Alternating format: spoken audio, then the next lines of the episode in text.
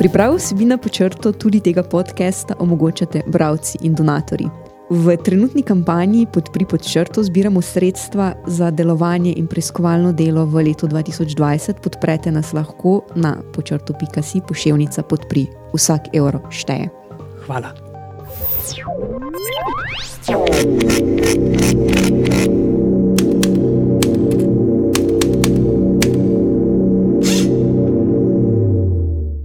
Lepo pozdravljeni v 19. epizodi Počrto podcasta. Kaj smo za konc leta prihranili? Pravzaprav to, s čimer se jaz ukvarjam praktično celo letošnje leto. Um, Lenartovo paradno temo leta 2019. In sicer mediji. Vse prispevke, ki smo jih objavili v seriji uh, Skriti interesi medijskih lastnikov, lahko najdete objavljene na naši spletni strani. Mi dva pa bo se danes ukvarjala s kratkim pregledom ugotovitev in pa z občinskimi mediji. Zdaj, Lenard, kaj vse smo letos preiskali? Ja, letos smo, kot si že rekla, začeli z občinskimi mediji, potem smo pa od samega začetka, ko smo snovali projekt, izbrali nekaj takih ključnih primerov, s katerimi poskušamo ilustrirati vse, kar mislimo, da je na našem medijskem trgu ali pa prostoru narobe in kaj bi bilo treba izboljšati. No, in izbrali smo pa poleg občinskih medijev, še, saj zaenkrat smo objavili še tri take daljše zgodbe. Eno je bila problematika skritega lastništva, ki smo ga prikazali na primeru političnega tednika Mladina. Potem drugi in tretji primer sta pa med sabo povezana in sicer prikazali smo precej natančno mačarski medijski model. Zdaj, zakaj je ta model pomemben? Zaradi tega, ker se širi po praktično celotni regiji, vključno v Slovenijo, in uh, ima takih kar precej problematičnih trendov, ki zelo skrbijo in medijske strokovnjake, in civilno-družbene organizacije, in pa ker so Mačari kot lastniki vstopili v našo tretjo zgodbo, in to je v medijski sistem, ki sodi pod, malo hecni zaščitečem, okrilje stranke SDS.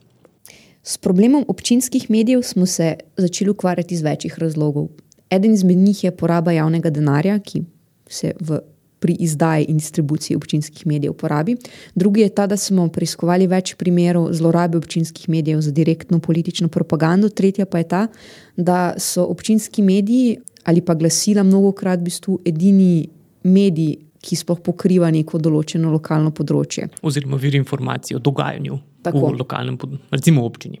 Ampak zdaj, če se za začetek, preden se lotijo tega problema, ustavijo pri vprašanju, zakaj sploh je pomembno medijsko lastništvo, oziroma zakaj se s tem potrebno ukvarjati. Je, če dam tak čist učbeniški odgovor te medijske teorije, izhajamo iz tega, da v predstavniških oziroma posredniških demokracijah smo državljani izrazito odvisni od tega, kaj nam mediji sporočajo. Zaradi tega, ker noben od nas ne more vsega spremljati, ker pač ne poznamo osebno ne politikov, ne vseh drugih področji življenja, ne sedimo osebno na sejah mestnega občinskega sveta, v parlamentu ali kjerkoli. In zaradi tega je naša obveščenost o teh zadevah, ki so ključne v demokratičnih družbah in za naše življenje, zelo odvisni od medijev. Zdaj, ta platforma pa ni neutralna, ampak je več dejavnikov, ki vplivajo na to, o čem mediji pišejo, o čem mediji ne pišejo in kako o eni stvari pišejo. In tukaj po medijski teoriji so medijski lastniki precej pomemben dejavnik, ki vpliva na to, kaj državljani zvemo o stanju družbe in česa ne.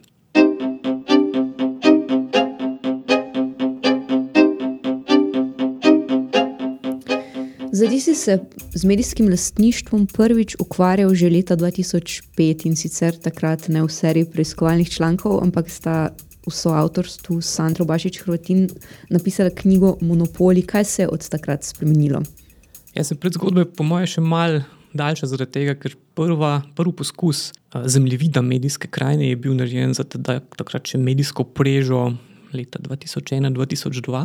Knjiga je pa pol izšla leta 2005 s podatki recimo iz 2004 kar pomeni, od takrat nimamo enega tajnega sistematičnega pregleda, kaj se je v teh zadnjih 15 letih zgodilo. In zdaj je zanimivo, seveda, primerjati, kakšne so razlike med takrat in danes. Čisto novinarsko gledano, takrat se res ni vedel, kdo je lastnik, kar precej medijev. In takrat, če si hotel ugotoviti to lastništvo, je bilo kar nekaj tajnega terenskega dela in je bilo kar nekaj zanimivih prigod, na kakšen način sem se pač vozil po Sloveniji in v razno raznih poslovnih stavbah ali pa celo v kakšnih takih hišah, no, skoraj zapuščenih, iskal poštne predale. Recimo, to so bili prav tako cel stolp poštnih predalov z vsemi mogočimi DOO-ji in podobno. In da bo treba pa to prepisovati, ugotavljati, kaj vse je na enem naslovu. Pa to. Pa ne vem, koliko dni sem prebil v sodnem registru, ki bo treba prepisovati.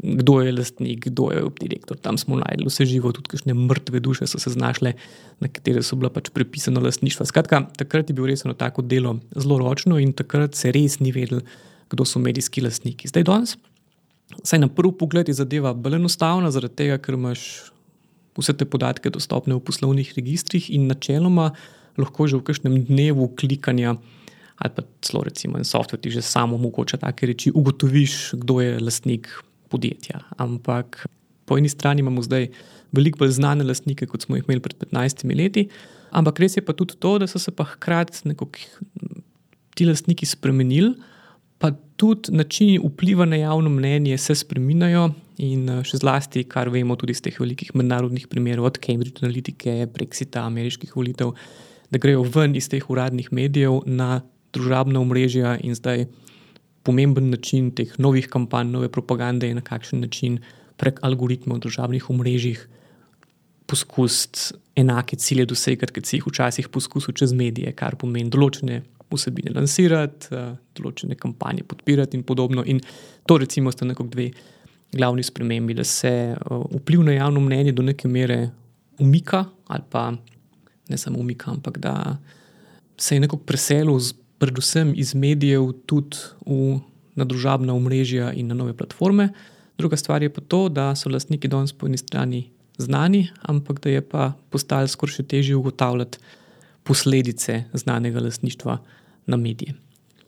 Prav zato se mi v tej seriji preiskovalnih člankov nismo omejili samo na iskanje in popisovanje lastništva, ampak smo se skušali ukvarjati predvsem s tem, kakšne so posledice določenih anomalij pri medijskem lastništvu, oziroma pa direktnih zlorab medijev za različne interese, od političnih do gospodarskih. Kar je v resnici najtežje, zaradi tega, ker eh, v nasprotju z enim splošnim prepričanjem v medijih težko najti take čist direktne vzročno-posledične zveze v smislu, podjetnik A je kupil medij B in potem B kar naenkrat piše samo o tem, ali pa ne piše samo o tem. Pač ni tako enostavno. Zaradi tega smo poskušali na zadeve pogledati bolj sistemsko, da ne damo vse skupaj samo na anekdotične primere, kaj je en predsednik uprave nekomu naročil, da piše ali pa ne piše, ampak smo pokazali, kaj take pojave omogoča. Zdaj, pri občinskih medijih. Uh... Smo dejansko analizirali dovolj primerov, da lahko govorimo o zelo konkretnih primerih zlorab. Ampak, sistemskih pomakljivostih. Tako. Zdaj, zakaj so občinski mediji sploh pomembni? V Sloveniji imamo 212 občin, te, od tega pa jih 159 izda svoje občinsko glasilo oziroma svoj občinski medij.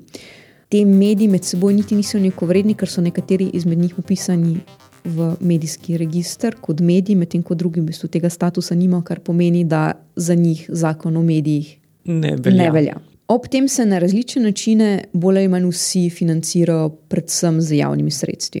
Zdaj mi v našo preiskavo, seveda, nismo zajeli 159 primerov občinskih glasil, osredotočili smo se na Ljubljansko, Kopersko in pa Celsko. Ob tem, da sta Ljubljansko in Kopersko občinsko glasilo upisano, obe dve upisani v razvit medij, medtem ko Celsko ni. ni. Zakaj ne?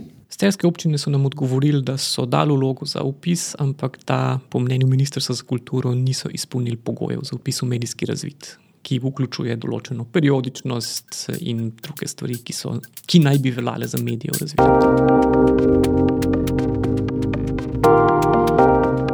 Med temi tremi primeri, ki smo jih analizirali, smo zasledili najhujše anomalije v primeru občine Koper. Kaj se je pravzaprav zgodilo tam? bolj dogajalo, kot zgodilo. Ja. zaradi tega, ker ja, koperski primer je najbolj, hm, najbolj ilustrativen, zaradi tega, ker krasno pove vse, kar je lahko narobe. Mislim, da skoraj nič ne manjka. In sicer župan Boris Popovič, bivši, si je popolnoma podredil občinsko glasilo in tiskano in spletno. Zdaj, kako je to izgledalo? To je izgledalo tako, da recimo v nekaterih izdajah smo lahko videli tudi več kot 40 fotografij župana, kjer se je pojavil še celo v enem primeru nagradni križanki na koncu. V dolgih intervjujih, ki so bili res namenjeni temu, da pove, kar je hotel povedati, kar pomeni, brez kakšnega kritičnega ali kakršnega koli pod vprašanja, je lahko neumejeno hvalil svoje dosežke, pa poimensko je obračunaval in s proti kandidati, s kritiki, z opozicijo, s določenimi novinarji. Izdajateljske pravice za obe občinski glasili, spletno in fizično, je prenesel na zasebno družbo občinske lasti, sicer Multimedijski center Vizija, ki je od občine od leta 2010 po Erariju prijel več kot 1,3 milijone evrov, kar so praktično vsi njihovi prihodki. Nekako najbolj ekscesno je bilo pa pred lokalnimi volitvami leta 2018, kjer se je pozgodil par reči od intervjuja na 14 straneh do tega, da je išlo več številk kot običajno, da je dvignil naklado, tako da je poleg Koperske občine lahko distribuiral še v sosedne občine in sicer v Piran, Ankaran in Izolo. No, in zaradi tega je tudi novembrska številka v primerjavi z drugima dvema išla v precej višji nakladi, ki je pač pokrila obe občine, pri čemer tudi v kolofonu ni bilo tega podatka vsakič razvidnega. Skratka, če povzamem, vse je bilo noter, od popolne uporabe medija za lastno promocijo do dviga naklade, porabe sredstev, napada na politične spotnike, skratka vse. Ampak kljub temu je na koncu, ko je izgubil volitve za par glasov, saj po naših podatkih zaenkrat niso, ni noben odprl tega primera. Vem, da bi kaj raziskal, najdel kakšno odgovornost. Edino, kar se je zgodilo, je pač to, da se je hkrati z županom Popovičem poslovil tudi odgovorni urednik obeh glasil, Sebastian Redič.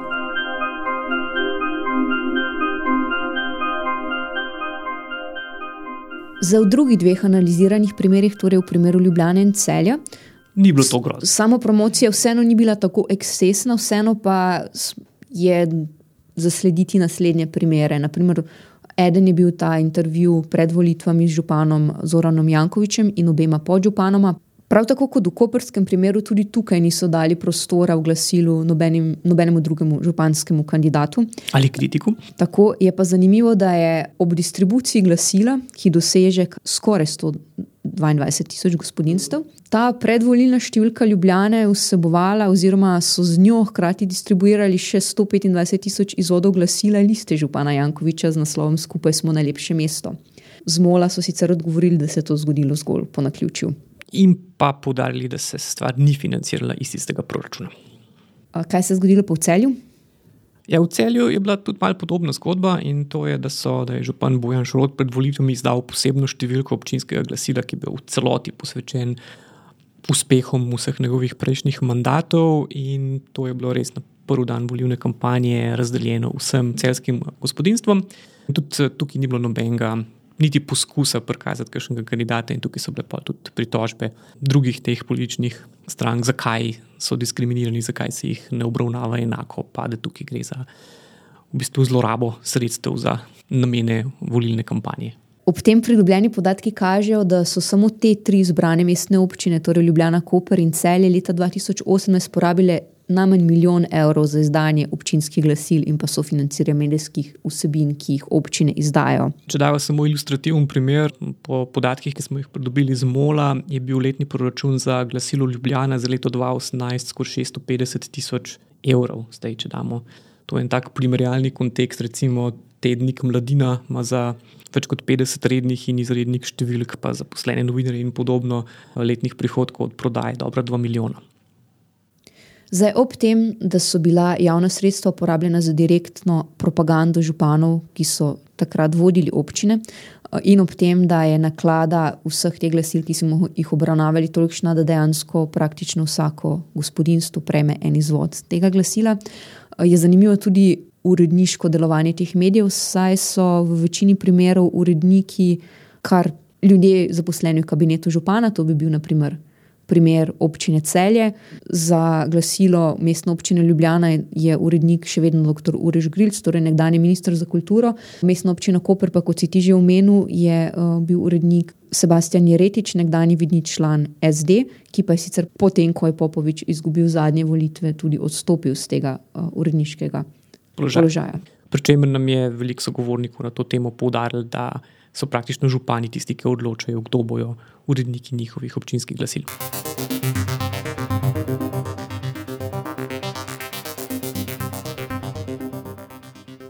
Za problemi zlorabe občinskih glasil za propagandne namene niso nekaj povsem novega. S tem so se več let ukvarjali tudi različne druge institucije. Kaj si ugotovil pri tej preiskavi? Ko sem zbiral podatke, sem videl, da so se s tem področjem že ukvarjale določene organizacije. Recimo Transparency International je spremljal lokalne volitve leta 2014 in so bili tudi zelo pozorni na to, na kakšen način so lokalni mediji, sploh občinska glasila, poročali o županih in so takrat delali vsebinsko analizo in so že takrat opozorili na številne primere točno tega, o čemer smo pisali. Kar pomeni to, da so župani izkoriščali ta glasila za to, da so pač. Promovirali sami sebe, da niso spustili nobenega drugega zraven, in da so izkoristili občinska sredstva, najverjetneje tudi za lastno politično kampanjo. Na to so opozarjali večkrat pri Društvu novinarjev Slovenije, v par javnih pozivih, najbolj tako Prav s financiranjem so se pa ukvarjali na računskem sodišču, kjer so leta 2015 izdali eno revizijo šestih primerov občin, kjer so vzeli primere za leto 2013 in za 2014 in so analizirali prvič, koliko sploh gre denarja tukaj noter, in pa še druge potencijalne nepravilnosti pri porabi javnega denarja. In recimo ta poročil je bil kar koristen, je pa tudi skoraj edin tak konkreten podatek, s katerimi smo tukaj operirali. Recimo, med drugim za leto 2014 so ugotovili, da so vse občine, ki izdajo občinska glasila, skupaj porabile za izdanje teh glasil skoraj 4 milijone evrov, naprimer. pa pa še skoraj 3 milijone evrov za, oni temu pravijo, sofinanciranje medijskih vsebin, kar v praksi pomeni, en konkreten primer, recimo, da občina na lokalni radijski postaji zakupi eno oddajo, kjer se recimo pogovarjajo z županom ali pa neki občina svoje dejavnosti promovira, pri čemer so pa opozorili, vsaj na parih primerih, da to ni označeno kot sponzorirana dejavnost, ampak se doskrat predvaja brez kakršne koli oznake kot eno navidez neodvisno novinarsko besedilo.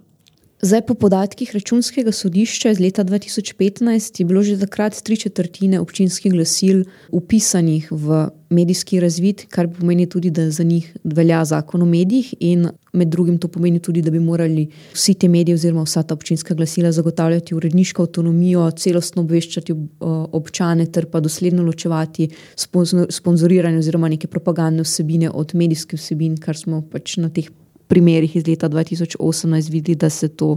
Ja, pa upoštevati pravico do popravka in odgovora in podobne reči. S tem, da je pa tukaj stanje večkrat komplicirano in to so pokazali tudi pogovori s pristojnimi ustanovami, tukaj gre za eno nedorečenost večjih zakonov in sicer pravna podlaga občin za izdajanje občinskih glasil.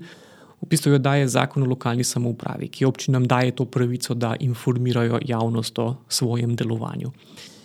Zdaj, po zakonu o medijih so prav taki občinski bilteni pravzaprav izključeni iz zakona o medijih in jih ne zajema, ampak v določenih primerih je pa to občinsko glasilo več kot samo informacijski bilten, kar pomeni, ima enega urednika, ima širok nabor vsebin, občina. Včasih v nekaterih primerih lahko rečemo tudi, da je poraba tega denarja smiselna, ker je to skoraj edin vir, iz katerega lahko prebivalci občin približno zvejo, kaj se v občini dogaja ampak tudi tisti, ki so v razvidu medijev, recimo kar smo videli v primeru Ljubljanskega pa Koperskega glasila, je vprašanje, kaj to pomeni. Zaradi tega, ker sploh Kopersko občinsko glasilo je kršilo praktično vse možne določbe zakona o medijih, kar pomeni tudi recimo novinarsko častno razsodišče je v parih primerih odločilo, da so kršili novinarski kodeks in da nasploh. Um, niso poskrbeli za spoštovanje osnovnih novinarskih standardov, kot je to, recimo, da bi bilo očitno pri županih, ki so ga lahko, lahko recimo, popoviči izkoriščali za svoj megafon, in ni bilo tukaj nobene kritike, niso pustili drugih zraven. In uh, zaradi tega nekako vidimo, da tudi tisti občinski mediji, oziroma glasila, ki so v zakonu o medijih, v resnici to še v praksi ne zagotavlja ene take boljše obveščenosti, recimo občinske javnosti. Zdaj, z vprašanji o teh primerih smo se obrnili tudi na kulturno ministrstvo, kjer so se nam pohvalili, da so v Kopru leta 2011 dobro občinsko glasilo uspešno izvedli inšpekcijski in pa prekrškovni postopek zaradi kršitve tako imenovanega petega člena medijskega zakona. Zakaj je šlo? Kar pomeni, eh, to je pač ugotovili, so, eh, da, se, da niso bili čist pridni eh, glede rabe slovenskega jezika. To je praktično edina ne, uradna nepravilnost, ki jo je koperska občina dobila. Zaradi... Je pa tudi res, da so potrdili, da imaš na inšpektoratu za medije uh, še eno prijavo zaradi vsebin v glasi, tem glasilu, vendar ta prekrškovni postopek še teče. Drži? Po naših podatkih še ni bilo epiloga. Posledica tega nedorečenega stanja na področju občinskih medijev je torej, da se te mediji financirajo z javnim denarjem, hkrati pa jim ni potrebno delovati v javnem interesu, kako je javni interes eh, pač definiran, torej niso dolžni upoštevati zakona, niso upoštev, dolžni upoštevati novinarskega kodeksa, oziroma v praksi njihovega delovanja nihče ne preverja, ne, ne nadzoruje. No, in to seveda spet v praksi pomeni, da imajo trenutno, mislim, župani, tisti, ki so trenutno na poziciji, skoraj neomejeno možnost početi s tem medijem, skoraj karkoli hočejo. In tudi to, da ni bilo nobenega epiloga v teh treh naših primerih, samo kaže, če malo špekuliramo, da lahko tudi njihovi nasledniki brez kakšnih večjih tveganj počnejo isto, ali pa to je tako realno tveganje.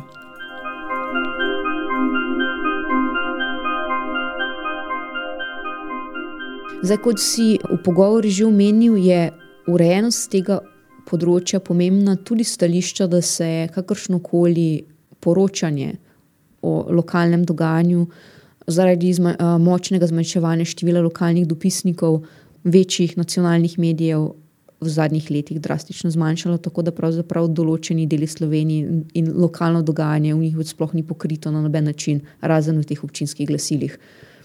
Naši sogovorniki so nam recimo povedali, da včasih so bili nacionalni mediji neke vrste varovalka, kar pomeni, da poleg občinskega medija si imel še lokalnega dopisnika, ki je v večjem mediju lahko bolj neodvisno poročal o dogajanju od občine in to je bila ena taka korektiv, kar pomeni, ni bil to, kar je občina izdajala, praktično edini vir informacije o dogajanju v občini. Zdaj, večji časopisi so zmanjšali dopisniško mrežo, kar pomeni, da je pokritost večjega ali pa vse večjega dela Slovenije z lokalnimi dopisniki nacionalnih medijev manjša, kar pomeni krepitev moč občin. In da tudi recimo, lokalni mediji, ki niso občinski, recimo en tak primer je Gorenski glas, ki ni neposredno odvisen od občin, ampak za občine izdaja več kot 20 občinskih glasil, kjer jim pač omogoča ne, znanje, pa oblikovanje, pa tisk, pa distribucijo, ampak da tudi te projekte pridobiva prek javnih razpisov občine. Kar pomeni, da tudi tukaj imajo občine razmeroma velik posreden vpliv tudi na financiranje medijev, ki jih sami ne izdajajo. Zdaj, v vseh teh primerih bi morala država z ustrezno medijsko zakonodajo in pa potem izvanjem te zakonodaje zagotoviti, da bodo javno financirani občinski mediji delovali v interesu javnosti in jih o občinskem dogajanju primerno obveščali. Potem, ko smo mi objavili to preiskavo o občinskih medijih, je prišel v javno obravnavo predlog zakona o spremembah in dopolnitvah zakona o medijih, ki dejansko vključuje v četrtem členu dve novi določbi glede delovanja občinskih medijev. Ja, zato, ker na kulturnem ministrstvu so v zadnjih letih res prijeli kar precej predlogov in kritik, kako je to problematično področje, in v glavnem so se pogosto zgovarjali, da oni nimajo vpliva na krovni zakon, ki to ureja, kar pomeni, da ministrstvo za kulturo ni pristojno za spremembe zakona o lokalni samoupravi, kar pa lahko naredijo je pa da pač poskusijo z zakonom o medijih malo bolj učinkovito to področje regulirati. No, in ta poskus je tudi ta, kot se je rekla, četrti člen oziroma predlog novega četrtega člena, v mu, vsaj po našem razumevanju, so nekako predvideli tri dodatne varovalke. Prva taka postavka je, da naj bi občine bile dolžne ta izdatke za medije opredeliti v posebni proračunski postavki. Zdaj, zakaj je to pomembno? Zato, ker so že na računskem sodišču ugotovili, da so zelo težko zbrali relevantne podatke, ker občine izdatke za medije beležijo v zelo različnih proračunskih postavkah. Kar pomeni, nima občina ena ali pa občina dva, nima enotne proračunske postavke, kjer bi lahko ti izvedel, kje financirajo izdajanje lokalnega časopisa. Včasih je to pod marketinškimi dejavnostmi, včasih je to druge. Mi se skratka težko ugotoviš, kakšni so dejanski izdatki. In ideja je, da če bojo občine obvezane te izdatke voditi pod enotno proračunsko postavko, pol postane stvar bolj pregledna. Drugi del je to, da se ne bi tudi za medije, ki jih izdajo samo upravne lokalne skupnosti ali pa druge pravne osebe javnega prava, da se ne bi tudi za njih smiselno uporabljale določbe o prepovedi politične propagande in zagotavljanju enakih pogojev kandidatov in političnih strank v času volilnih kampanj.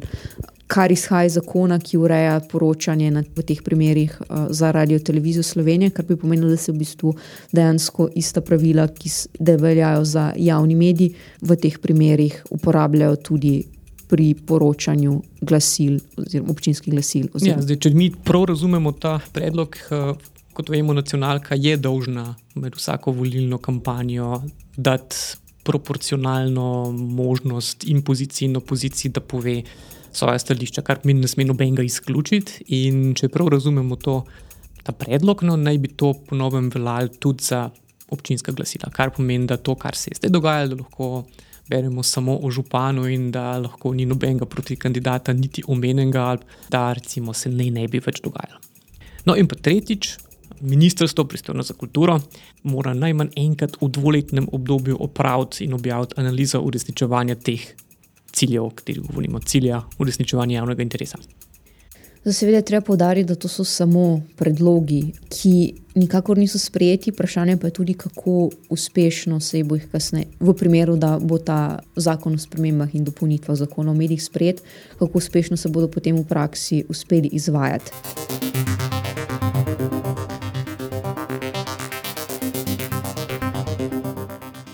Vendar pa se naša preiskava o medijih tukaj ne konča. Kot že rečeno, smo namreč v tej preiskavi občinskih glasilih mi analizirali primere treh zlorab občinskih glasil za vpliv na voljivce. Ljubljano, cel in Koper. Imamo pa v Sloveniji skoraj 160 različnih občinskih glasil. Zaradi tega, ker ste se nam po objavi začeli javljati bralci s predlogi in idejami, da ne bi preiskali tudi zlorabe vašega občinskega glasila, smo na spletni strani počrto.si objavili poziv, da nam lahko pošljete primere, v katerih mislite, da gre za zlorabo občinskega glasila za politične, propagandne ali druge namene. Dali smo tudi taka navodila, na kaj boste pozorni in s čim nam najbolj pomagate.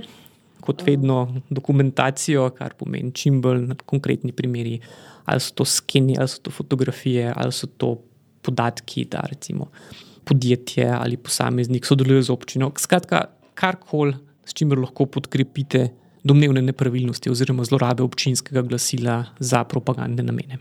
V primeru, da bomo zbrali dovolj primerov, ki bi jih bilo zanimivo dodatno preiskati in predstaviti, bomo seveda s to temo v letu 2020 tudi nadaljevali.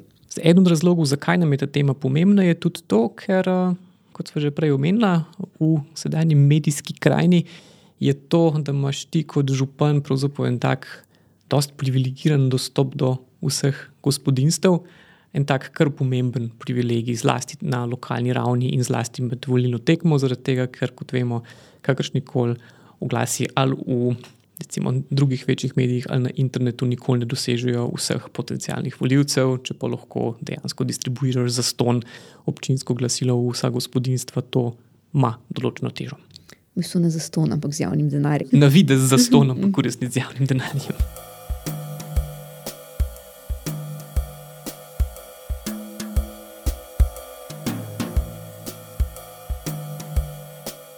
Občinski mediji so bili torej prva medijska podcast tema. S podcasti na temo medijev in pa medijskega lasništva bomo nadaljevali tudi v prihodnjem letu. Prav tako pa nadaljujemo z, eh, s preiskavo skriti interesi medijskih lasnikov. Lahko poveš kaj več o tem, Leonard? Kako smem? Ja. no, vsekakor bomo podrobneje predstavili primere, o katerih smo že pisali, kar pomeni in primer. Primere političnih tednikov, kjer bomo pokazali na nekaj novih anomalij medijskega prostora, vključno s tem, da so zlasti da politični tisk izrazito občutljiv na morebitne pritiske strankarskih političnih interesnih skupin. Dotaknili se bomo pa tudi večjih medijev in še nekaj drugih medijskih zgodb, ki bodo precej nazorno pokazali, kakšna je naša medijska krajina, kdo vas obvešča in skozi kakšno perspektivo se zrcali recimo, stanje v naši družbi, če sem mal poetičen.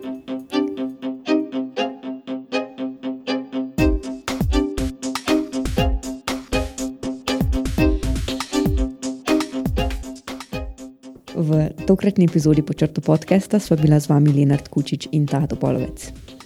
Poslušate nas najverjetneje na enem od priljubljenih podcasterskih odjemalcev, kjer lahko naše epizode tudi ocenite in priporočite tako človekom kot algoritmom. Hvala, da ste poslušali, delili in podpirali vsebine pod črto v tem letu. Se slišimo v 2020. In lepe praznike, in spočite si.